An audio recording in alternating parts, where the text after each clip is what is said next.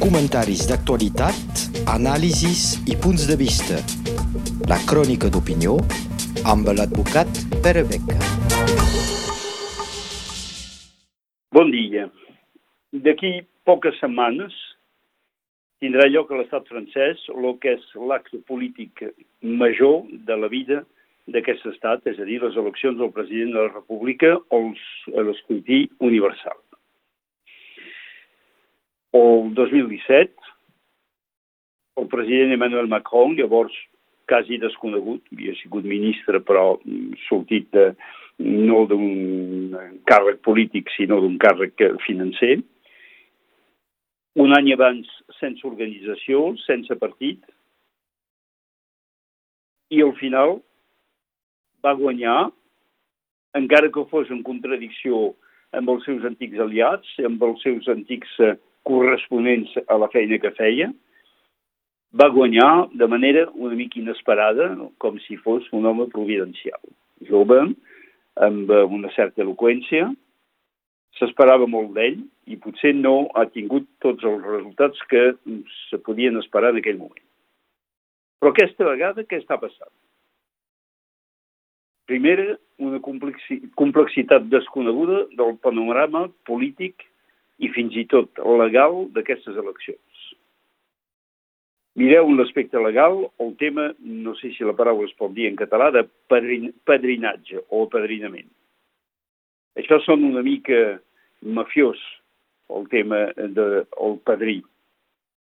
Però, de fet, és una fórmula que ha sigut posada en plaça des del moment que a la Constitució de 1958 i el 62 es va donar la possibilitat de l'escrutí directe i universal del president de la República. Va anar pujant, es va començar per poques eh, eh, firmes de sosteniment, però després vam arribar al sistema actual, és a dir, 500 padrins, sortit de 50 departaments francesos diferents. Això per intentar assegurar una base polític popular suficient i per evitar de multiplicar les candidatures. Si això al començament va semblar funcionar perquè moltes candidatures una mica fantasmàtiques eh, es van eh, deixar, finalment resulta que avui dia hi ha tant o més candidats que no n'hi ha hagut fins, a, fins ara. I amb moltes coses una mica rares. En Macron, president que encara no s'ha declarat candidat, però que ja té més de 500 i més de 600 firmes a favor seu. Llavors que no té un partit i que no va réixer, almenys la seva organització, no va réixer a implantar-se ni sigui a les eleccions regionals ni a les municipals que han tingut lloc durant el seu mandat. Al revés, es veu que la candidata socialista amb investidura del Partit Socialista tarda a tenir les firmes Llavors, que Jean Lassalle, que ell mateix diu que de fet és candidat però no sap perfectament que no guanyarà, en té moltes. I què dir de la situació de Marine Le Pen, representant una part de l'electorat que es considera globalment com a mínim a 15%, i que l'últim sondeig que es va fer, l'última examinació que es va fer d'aquests padrinatges, en tenia menys de 50. Evidentment que tot això pot anar canviant. Però la confusió resultarà d'aquesta situació i aquí podem imaginar quins serien els comentaris polítics i els comentaris populars si, per exemple, Marine Le Pen no podia aconseguir ser candidat a la presidència per no tenir les firmes suficients. O al revés, el no candidat o encara no candidat Macron, si diu que no fa campanya, l'està fent a través, a través de l'eina del seu poder com president de la República i sobretot ara de l'eina mediàtica que constitueix la presidenta de la Unió Europea. Anar a Moscou, anar a Kiev, és agafar una estatura internacional que cap altre candidat no pot pretendre tenir, perquè cap altre no ha fet carrera fora de les fronteres nacionals, l'únic que hagués pogut fer-ho era el Michel Barnier en el seu moment, però la primària eh, de la dreta no li va permetre competir. Complexitat del panorama també a nivell ideològic. Jo sóc d'una generació que va conèixer la lluita entre la dreta i l'esquerra, l'esquerra dividida entre socialistes i comunistes, i la dreta amb una petita part marginada de l'extrema dreta.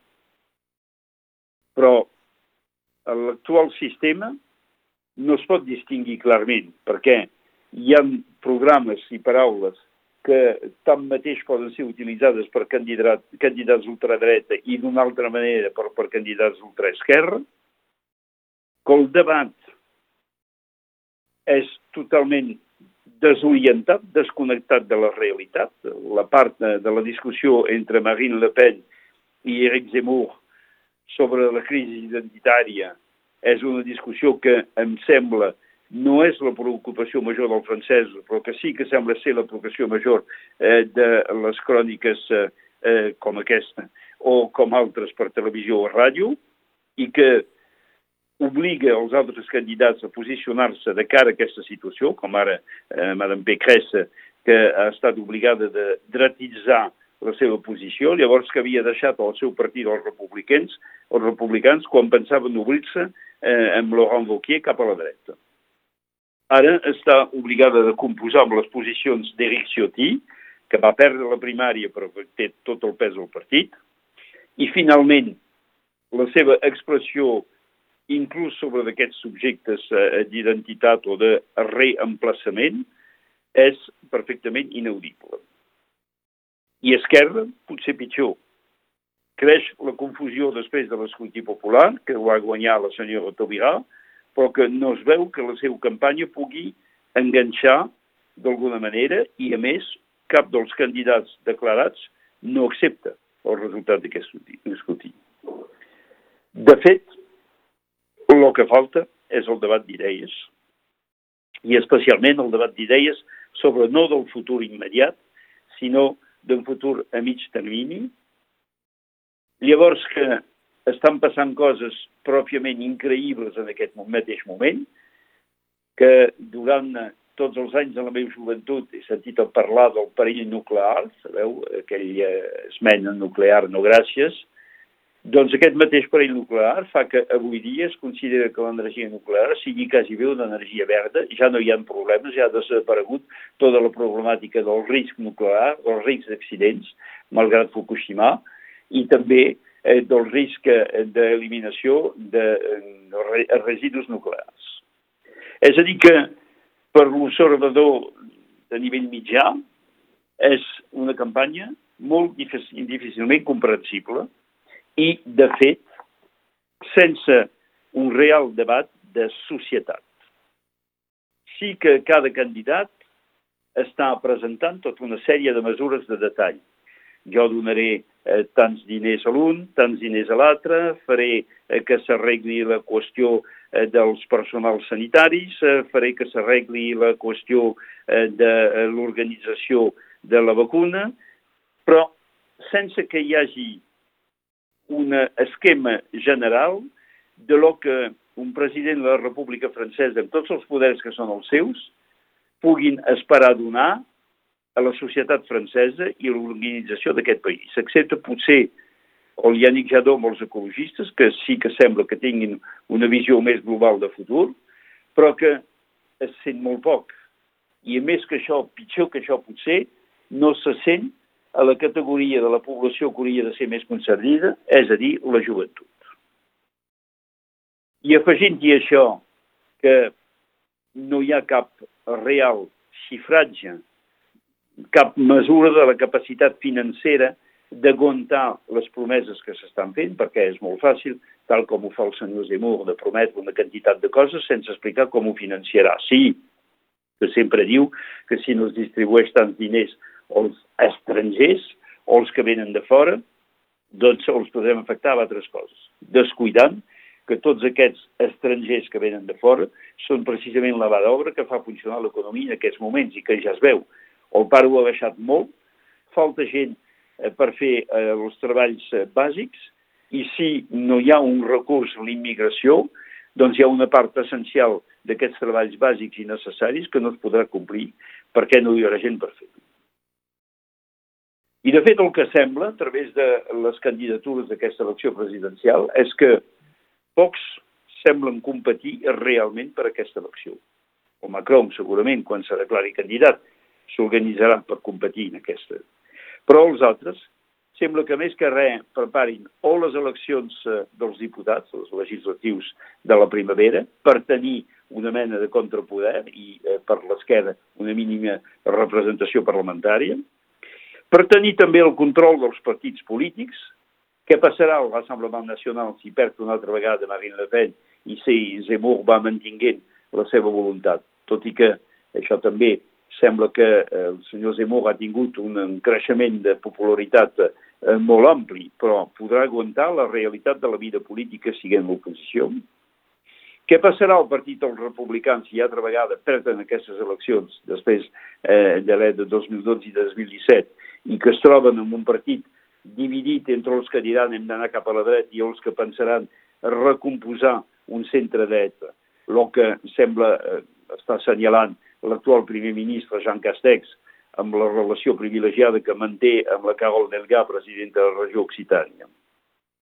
Pot arribar que, de fet, la senyora Pécresse sigui marginada, que els partits republicans es dividin entre els que volen anar amb un partit centrista sota el comandament de Macron, com els ministres actuals que han fet la seva feina, i que es constitueixi un partit de centre, que sigui el somni que sempre ha tingut François Bayrou, que no ho ha aconseguit, i que permeti de governar.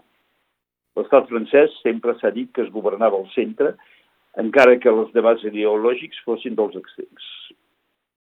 L'únic que nosaltres catalans podem tenir segur és que en aquests moments el problema català no interessa gaire. Ja sé que el Filip Putu, candidat d'extrema esquerra, ha demanat als moviments catalans la seva posició, però no n'ha fet un punt de la seva campanya.